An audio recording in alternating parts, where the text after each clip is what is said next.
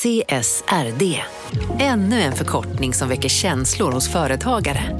Men lugn, våra rådgivare här på PWC har koll på det som din verksamhet berörs av.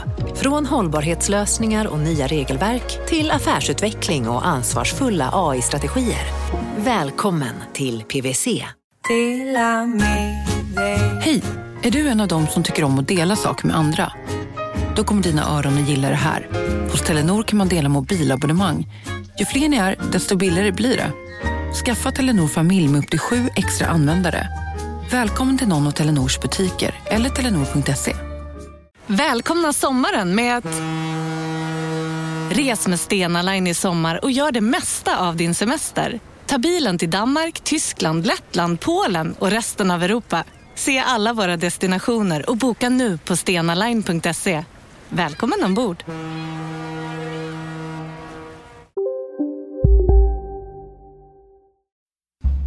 Från Monopol Media, det här är Kapitalet. Jag heter Gunnar Harjus. Och jag heter Åsa Secker. Och den här veckan fortsätter vi berätta historien om Asfaltkartellen. Och det här är del två. Om du inte har hört del ett, att bygga en kartell, eh, så kom det förra veckan. Jag tror att det hjälper om man har hört det. Mm, men om man inte orkar lyssna på det, vilket är helt okej, eller om man har glömt lite från förra veckan, vilket också är helt okej, så tar vi en snabb eh, recap. Mm, Bra. Sätt på recap-musiken.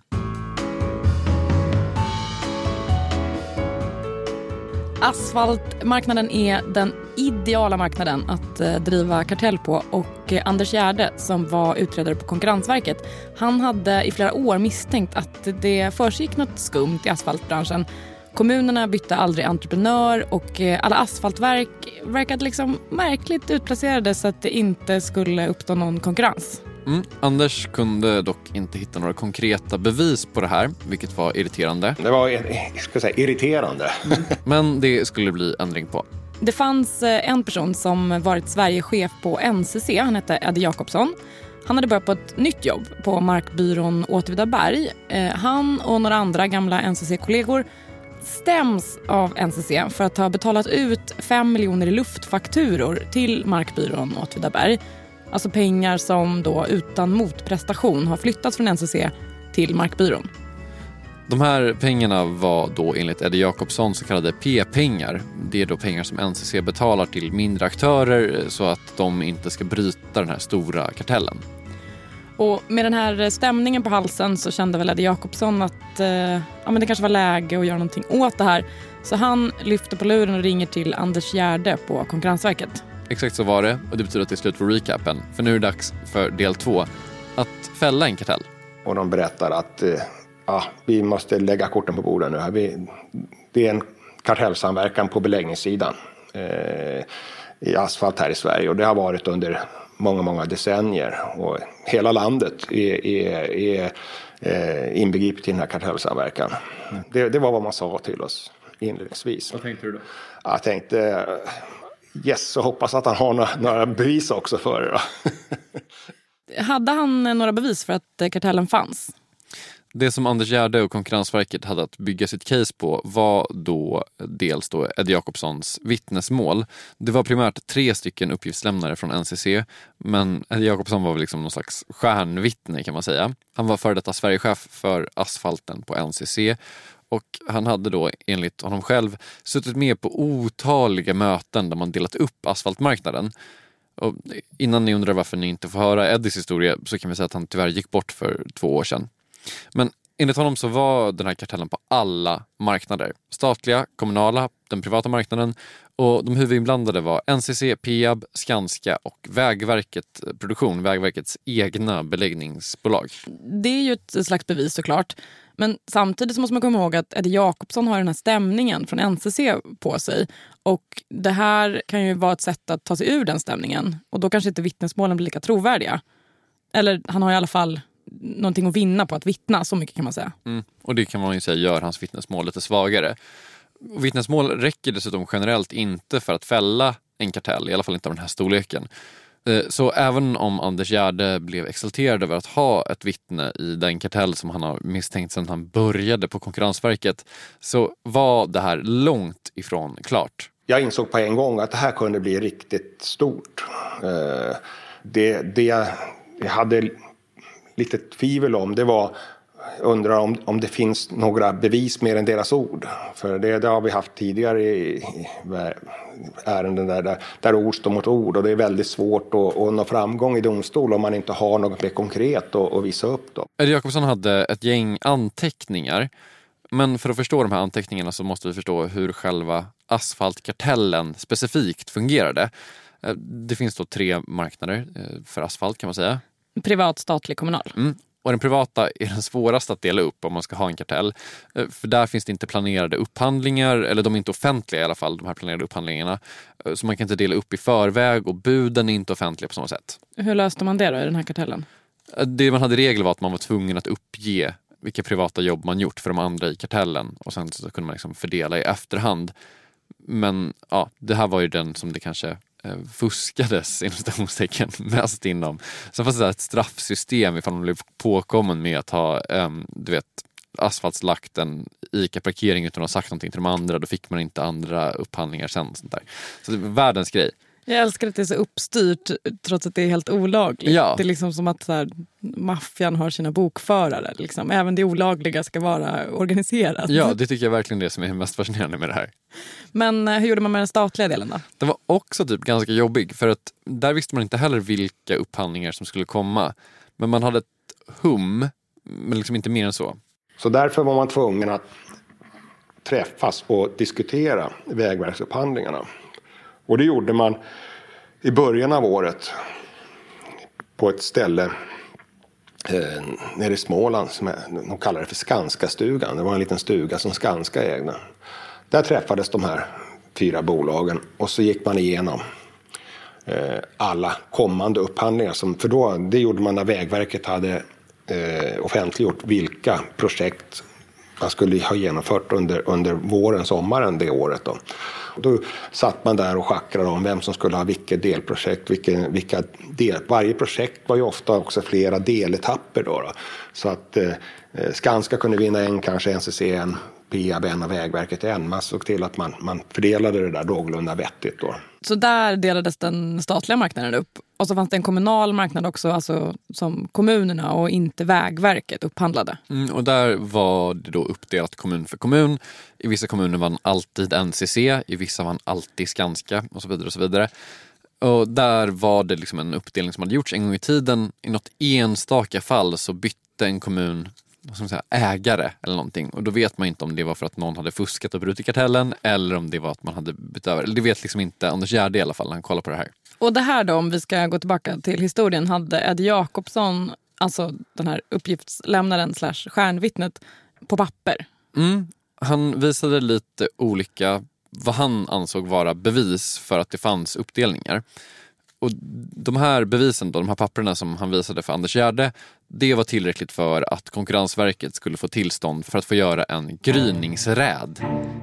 Ska vi kort bara, liksom, vad är en gryningsräd? Är det exakt vad man tror att det är? Det är gryningen, det ligger dimma utanför och så sveper man in.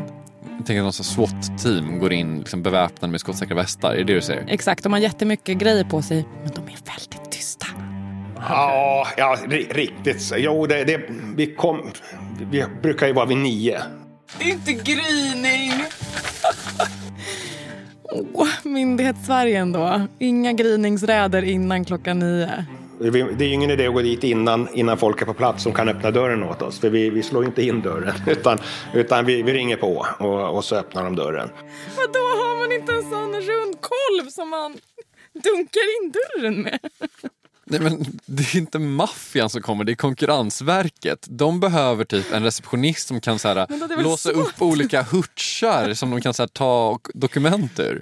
Jag ser framför mig när FBI går in och gör en räd på typ Michael Cohens kontor. Då, ja. då går det inte lika lugnt till tror jag. Nej, okej, okay. men för att svara på din fråga då. Nej, det är inte ett SWAT-team som går in och köttar och vänder upp och ner på allt.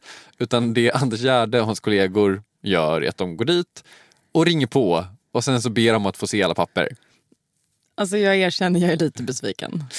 Egentligen, om jag ska vara helt ärlig, så är det Skatteverket som ringer på. För man tar med sig Skatteverket som täckmantel för att ingen ska så gå in och börja bränna massa papper.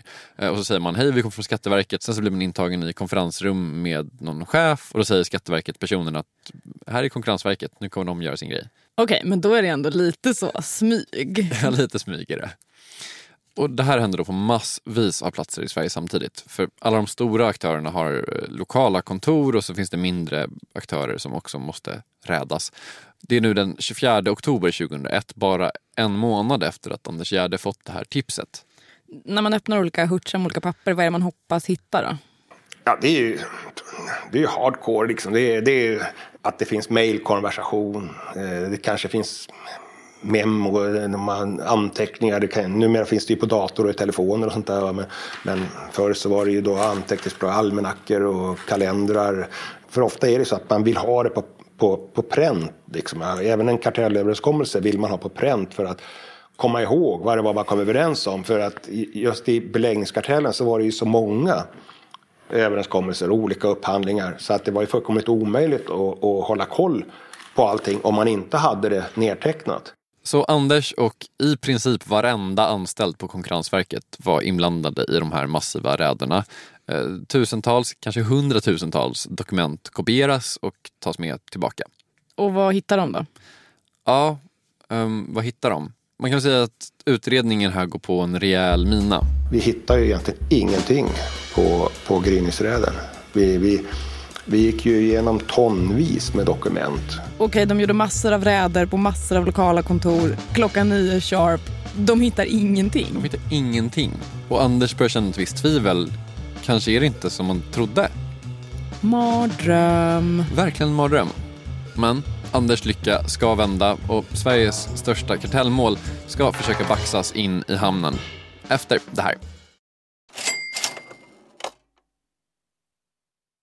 Vi sponsras av Storbrand Asset Management som ju förvaltar över 1000 miljarder norska kronor, bland annat för SPPs eh, många pensionssparare. För två år sedan så investerade Storbrand i drygt 60 tåg, alltså tågvagnar, eh, som rullar mellan London och Skottland. De leasar sedan de här tågvagnarna till tågoperatören som alltså kör tågen och säljer biljetter och sånt eh, med ett avtal på 27 år.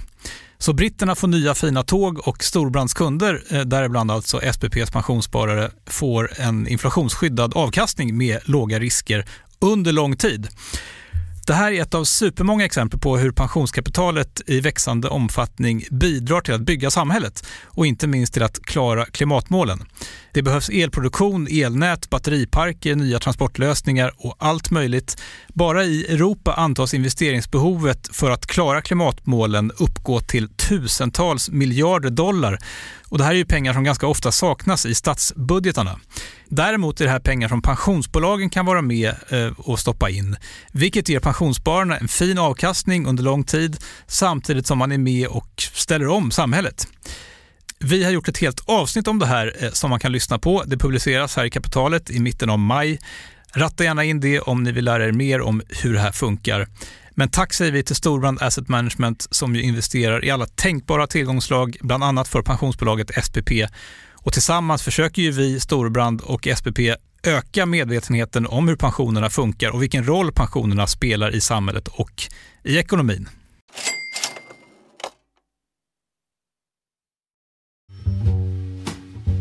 Så i decennier så har Anders Gärde misstänkt att det finns en asfaltkartell. Han har äntligen fått ett tips värt namnet. Han har fått göra en gryningsräd av Guds nåde. Och han hittade ingenting. Så bittert. Såklart. Men de hade ändå ganska mycket anteckningar och papper från Eddie Jakobsson, den här uppgiftslämnaren. Så loppet var verkligen inte kört. Men alltså om han hade massa papper och bevis och anteckningar och grejer, hur kommer det sig att Konkurrensverket inte hittar något?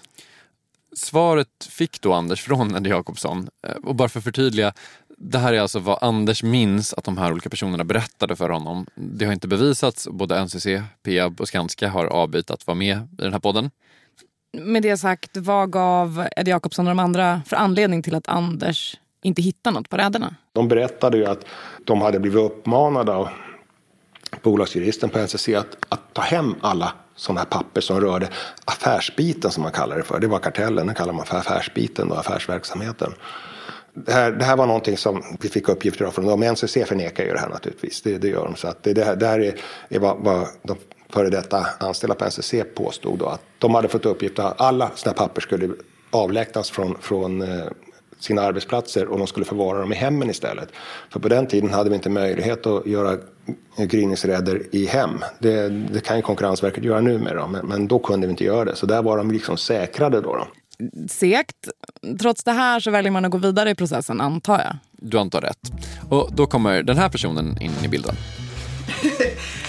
Det här är inte sånt som eh, vanliga människor tycker är spännande, men eh, det är ändå lite souvenirer för mig. Det är en pärm bara med domarna från, från tingsrätten och marknadsdomstolen. Vem är den här eh, ovanliga människan som tycker tingsrättsdomar är spännande? Kan hon presentera sig tack? Mm. Hanna Lekås heter jag.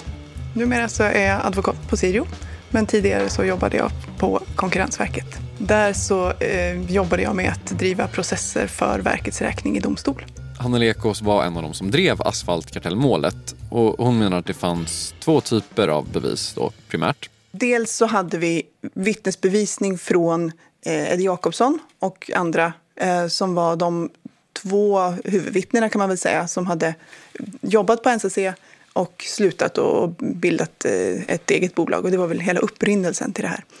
Eh, sen så hade vi eh, också framförallt Eddie Jakobssons anteckningar från möten. Nu är vi tillbaka på de här anteckningarna. Jag måste ändå säga att de är lite svåra att liksom se framför sig. Alltså jag gissar att han inte hade skrivit typ Asfaltkartellen som rubrik och sen haft så här, härmed ingår NCC, Skanska, Peab och Vägverket Produktion i en kartell.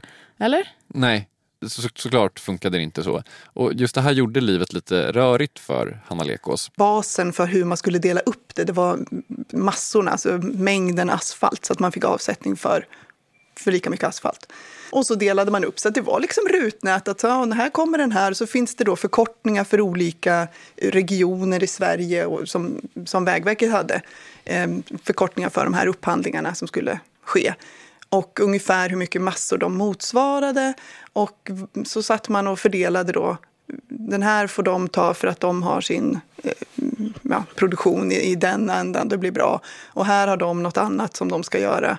Eh, så då blir det lämpligt att de får det där och så där. Så det var som ett, ett, ett diagram, ett rutnät. Där det var lite överkryssat och så bytte man hit och dit till slut så var det överenskommet. Och så Ehm, jag tror framförallt det var Eddie och så var det någon annan på Skanska i en annan del av, av landet som var liksom ledande gestalter som, som hade förmågan att och, och liksom, eh, dra i det här och få med sig andra. Så delar man upp det. Så lite ändå här är en kartellpapper? Ja, för man jobbade med så olika förkortningar och någon slags kod. Och när det här väl gick upp i tingsrätten, vilket hände 2003, då var rörigheten och koden och allt det här, det var en stor del av försvaret. Det är liksom ett, ett handskrivet blad, ett rutnät och så lite förkortningar och lite siffror. Och, och, ja, alltså, du måste få någon som förklarar vad det betyder innan du kan se det. Ja, men en, en del var ganska svårtolkade. Och sen så kom det något samtal mitt i och då hade han skrivit upp något annat liksom upp och ner på det bladet. Och, och sen så var det lite historier runt omkring det att, eh, som man kunde knyta upp. Att jag kommer ihåg att den här kvällen då hade vi pratat om att, eller vi sagt att den här gången så ska vi ta dem i den regionen för nu har de, eh, den, det andra bolaget då, eh, tagit marknadsandelar här på ett sätt som inte är acceptabelt och därför ska vi, eh, liksom, och så där, hur, man, hur man fuskade och hur liksom hela systemet funkade och så. Och just att det var lite luddigt och att det inte gick att förstå utan att man hade den här övergripande historien. Det var försvarets ena linje och deras andra linje? Försvaret var väldigt mycket att vår... Alltså, svagheten i vår bevisning var att den var väldigt hårt upphängd på Eddie Jakobsson. Det var hans vittnesmål och det var hans anteckningar. Och de eh, som tidigare hade varit på NCC och nu hade börjat eh, konkurrera, som hade brutit sig löst och startat ett ny, nytt bolag. Eh, och att de skulle ha incitament att eh, konstruera det här. Det får man ändå ge försvaret. För om vi minns från förra avsnittet, Eddie Jakobsson är alltså stämd av NCC. Det är ju därför han går till Konkurrensverket till att börja med, för att han är liksom inträngd i ett hörn. Verkligen. Så det fanns mycket att göra för Hanna Lekås. Man, man får ju liksom man ska säga, måla den här bilden och det var ett, ett pussel att lägga. Um, men att det, det, är ändå så pass många som sa lite var så att säga och det fanns korn här och där och även om de inte vill erkänna så i viss, vissa fall så kan man ju liksom få dem att berätta om bitar av det. Och man är ju kanske mer benägen att berätta om vad andra har gjort än vad man själv har gjort. Och så där. så, att, så att eh, man lägger ett pussel och eh, målar upp den här bilden och så försöker man knyta det till så mycket dokumentation som man kan. Och det här pusslet, det tog många år att lägga, mängder av förhör. Eh, Anders Gärde tror att eh, det var 50 stycken eller någonting i den stilen. Vad fick man höra i förhören? My mycket ljug, kan jag säga. Ja, jo, det är klart att de, de, de var inte intresserade av att ge oss någonting. Så de, de, de förnekar i princip allt. Eh, men vi, vi hade ju det. Däremot en hel del luftfakturer och annat som vi, vi kunde presentera för dem. Hur bevisar man att någonting är en luftfaktura? Ja, för har du en, en faktura från ett mindre bolag till NCC till exempel på, säg 5000 ton asfaltmassa. Så ska det också finnas eh, leveranssedlar, annat i bokföringen som styrker det här. Eh, det, det går ju åt kross, det går åt bitumen för att tillverka all den här asfaltmassan. Ser vi att de inte har köpt bitumen så det räcker för att tillverka det här, ser vi att det inte finns några leveransfakturer eller leveranssedlar, eh, så, så vet vi att det här är ingenting som har skett i det fysiska livet utan det här är bara en faktura som har gått. Då. Mm. Och det här hade de naturligtvis väldigt svårt att förklara då. En annan grej som var svårförklarat var när man kunde koppla Eddie Jakobssons olika anteckningar till upphandlingar som skett. Eh, Anders berättade om ett specifikt eh, fall som han kom ihåg.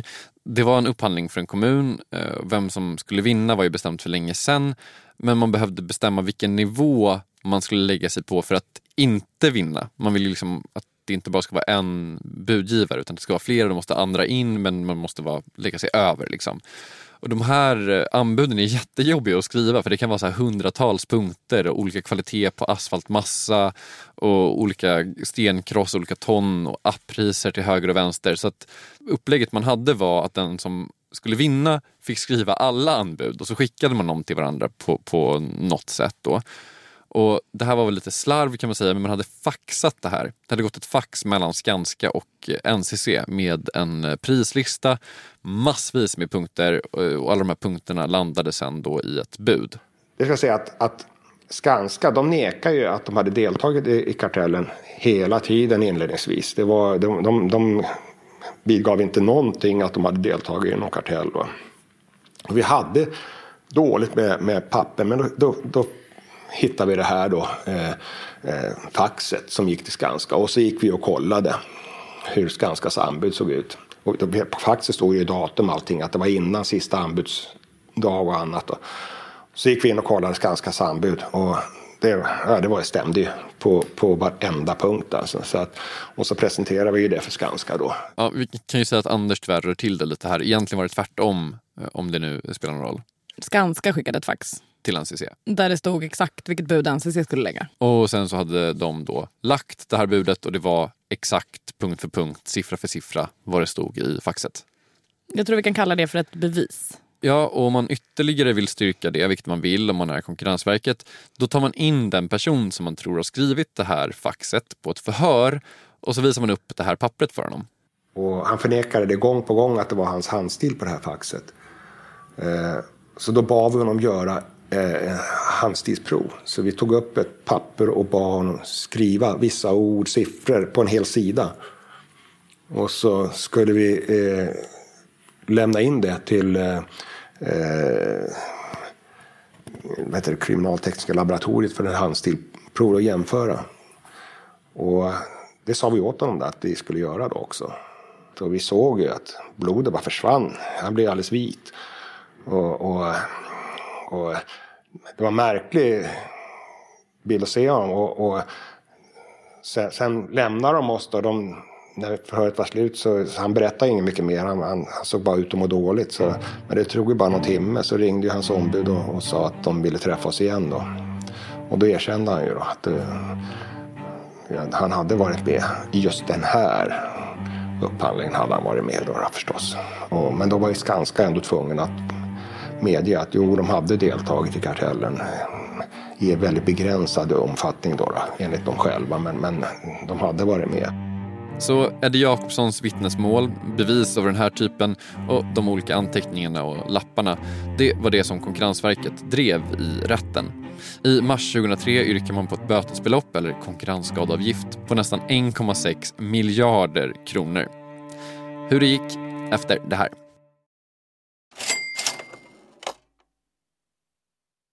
Kapitalet sponsras av Master Exchange, plattformen där du som privatperson kan investera i låtar och får pengar varje gång de här låtarna spelas.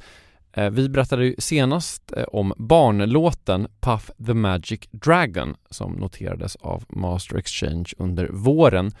Nu har utdelningen på den låten kommit, eller royaltyn som vi säger i musikbranschen. Eh, den ligger på drygt 12% i årstakt och det här är ju en avkastning som är helt okorrelerad till eh, börsen. Till och med Goldman Sachs har börjat skriva om just musik som investering eh, just ur det här perspektivet.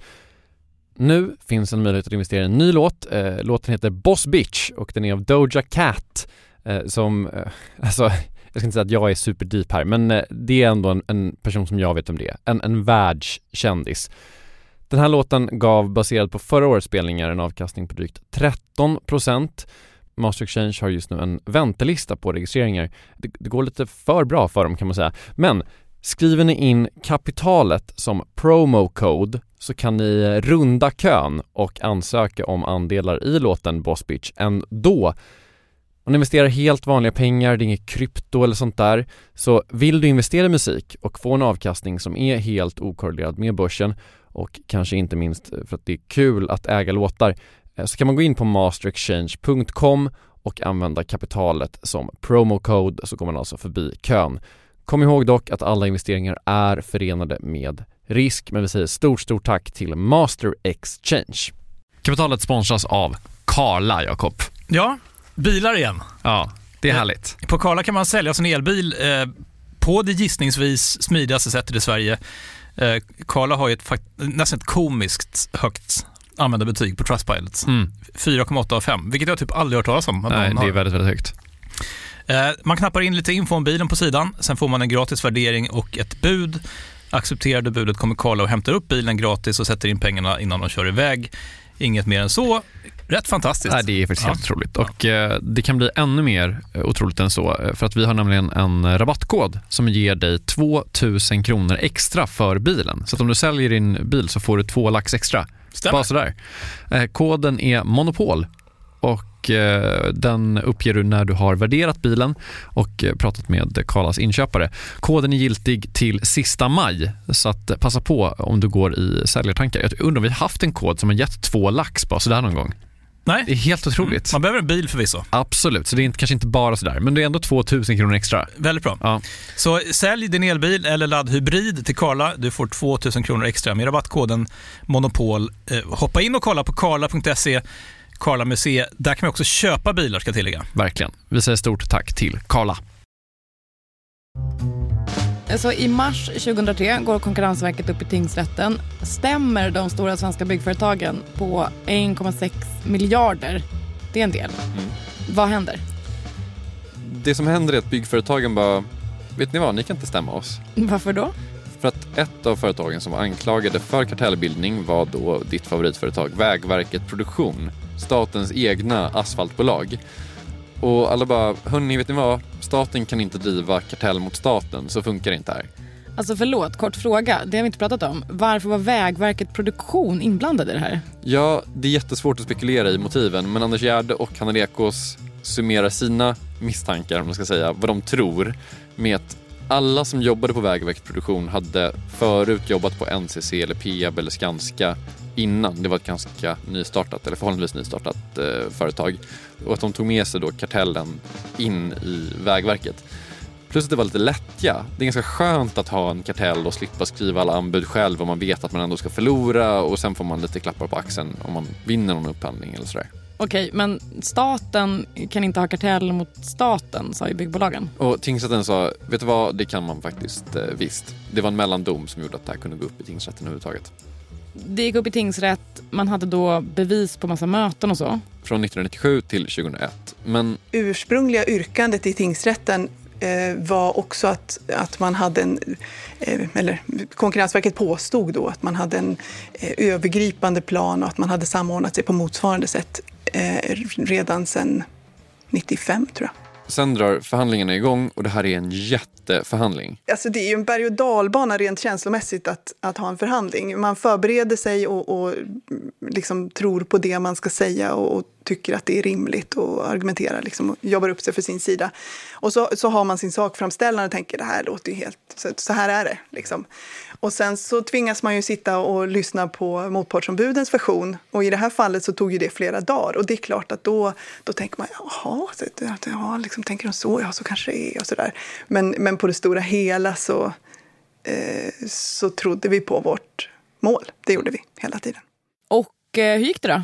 Nej, men jag tycker det gick bra. Eh, vi fick igenom eh, en av de största kartellmålen och, och, det fick uppmärksamhet och jag tror att det hade en uppfostrande effekt. Både för oss som håller på med konkurrensrätt professionellt men också för folk i gemen som hör talas om det här och kanske förstår lite bättre att det är skadligt för, för marknaden. Uppfostrande effekt tror jag är myndighetssvenska för en halv miljard. Inte 1,6 miljarder? Nej, för de kunde inte bevisa att det fanns den här då mer övergripande kartellen. Alltså att allting skulle varit uppdelat och att allt sköttes enligt kartellens vilja. Det de kunde bevisa var de här olika konkreta tillfällena där affärer hade gjorts upp. Eh, NCC dömdes till slut i Marknadsdomstolen, den högre instansen, att betala 200 miljoner, Skanska 170, Peab ungefär 70 och Vägverket Produktion 50 miljoner.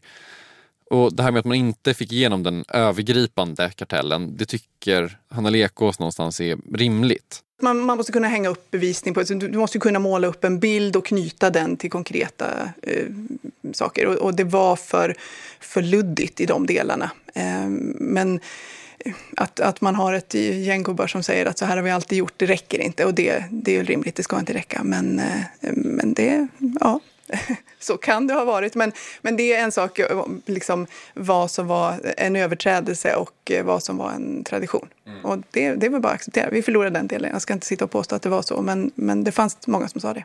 Men eh, trots att man då bara fick igenom en halv miljard så var det här en historisk dom. Så här höga böter hade aldrig delats ut, varken förr eller senare. Samtidigt så fanns det ju någonting som gnagde lite i Anders Gärde Dels tyckte han väl kanske att de hade fått igenom lite för lite pengar. Det är ju rätt mycket pengar, det är det. Men eh, det var ju mycket mer så man tjänade på kartellen varje år. Men sen trodde han verkligen också på den här större övergripande kartellen som man då inte lyckades bevisa. Eddie Jakobsson och de andra uppgiftslämnarna de menade att man hade hållit på med någon form av asfaltkartell sedan åtminstone andra världskriget. Men alltså, även om den bara hade hållit ihop ett knappt decennium så hade väl det varit ett mirakel? Eller alltså, fatta svårt att hålla ihop en sån här kartell. Jag håller med dig, det är märkligt. Och det, det tyckte ju även våra uppgiftslämnare. Va? De sa det att det här, det här blev så stort till slut. Det var så många så det var svårt att få det att hålla till. För enligt vår uppgiftslämnare då, den som var Sverigechef på NCC, han sa ju att han började förstå att det var någon form av kartell när han var pimpojke på NCC. Han, han, han var alltså längst, längst ner i näringskedjan ute på, på, på vägbyggena.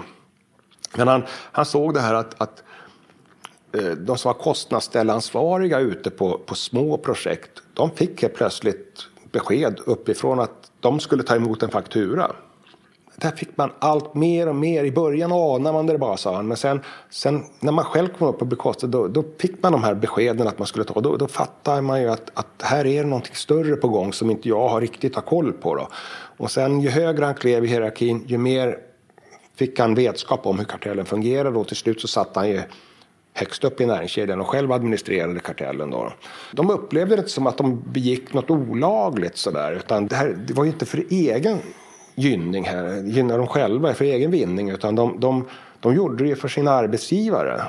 Eh, så att de, och de, de upplevde ju också att de, de fick klappa på axeln också för att de gjorde ett bra jobb och sådär. Så att eh, det här, de, de växte in i det här då. Men att de ändå vinner i Marknadsdomstolen, alltså gjorde inte det att det blev någon förändring eller? Nej, säger Anders Gärde. Han tror att det inte hände så mycket efter det här. Eh, Hanna Lekos menar att företagen numera har väldigt ambitiösa compliance-program och att de verkligen sköter sig. Jag tror inte att vi kommer ta ställning i den här frågan. Men om man ska summera hur det här kunde komma till och hur kartellen kunde uppstå och hur den kunde fortsätta finnas. Och det som jag kanske tycker är mest fascinerande med det här så är det liksom dynamiken i själva kartellen. Det fanns liksom ett regelverk som följdes kring hur allting styrdes hela tiden. Det var inte bara det att man förde en diskussion om vem som skulle vinna en upphandling då. Utan det var ett jädra schackrande vem som skulle komma tvåa, trea och fyra. För ingen ville komma fyra i upphandlingen. Va? För då, då, då, då, hade man kommit in med högsta anbudet. Det såg inte bra ut. Nej, ska jag förlora den här upphandlingen så vill jag vara tvåa i alla fall. Va? Så att det var ett jädra schackrande om, om, om andra, tredje och fjärde platsen också. Och att det ändå höll ihop, liksom att de oftast eh, följde eh, överenskommelsen. Det, det tycker jag är, är, väldigt fascinerande. Det är det. det, det den, den, förklaring jag kunnat se på det, det, det, är just att, att här finns så många eh, egenskaper hos de här marknaderna som, som, som samverkar till att göra det här möjligt. Det hade inte fungerat på många andra marknader. På anläggningssidan så funkar det. Så slutsatsen är att tillfället gör tjuven, gör kartellen, något sånt? Något sånt tror jag. Och med det så är kapitalet slut. Vi som har gjort de här två avsnitten heter Gunnar Harjus och Åsa Secker. Kristoffer Krook har slutmixat och Jakob Bursell är vår chef. Tack till Konkurrensverket som varit väldigt behjälpliga och tack till Hanna Lekås och Anders Gärde samt till Patrik Gerilius Persson som tyckte att vi skulle göra ett avsnitt om asfaltkartellen. Har du ett tips på ett avsnitt som du skulle vilja höra? Mejla gunnar.kapitalet.se eller asa.kapitalet.se eller skriv till oss på Instagram, det heter vi Kapitalet. Nästa vecka är vi tillbaka med ett avsnitt om det här. Han presenterade då sig själv och att han företrädde HDD Magic och, och eh, berättade om att det var ett företag som sålde produkter. Han gick inte närmare in på dem. Det var någonting som skulle säljas i hemmet. Och han berättade om hierarkin där inom Hology Magic. Olika nivåer, olika befattningar. Och den, vad jag kommer ihåg idag, det var tydligen en befattning som hette general. Det var högst upp, vill jag minnas. Hej då.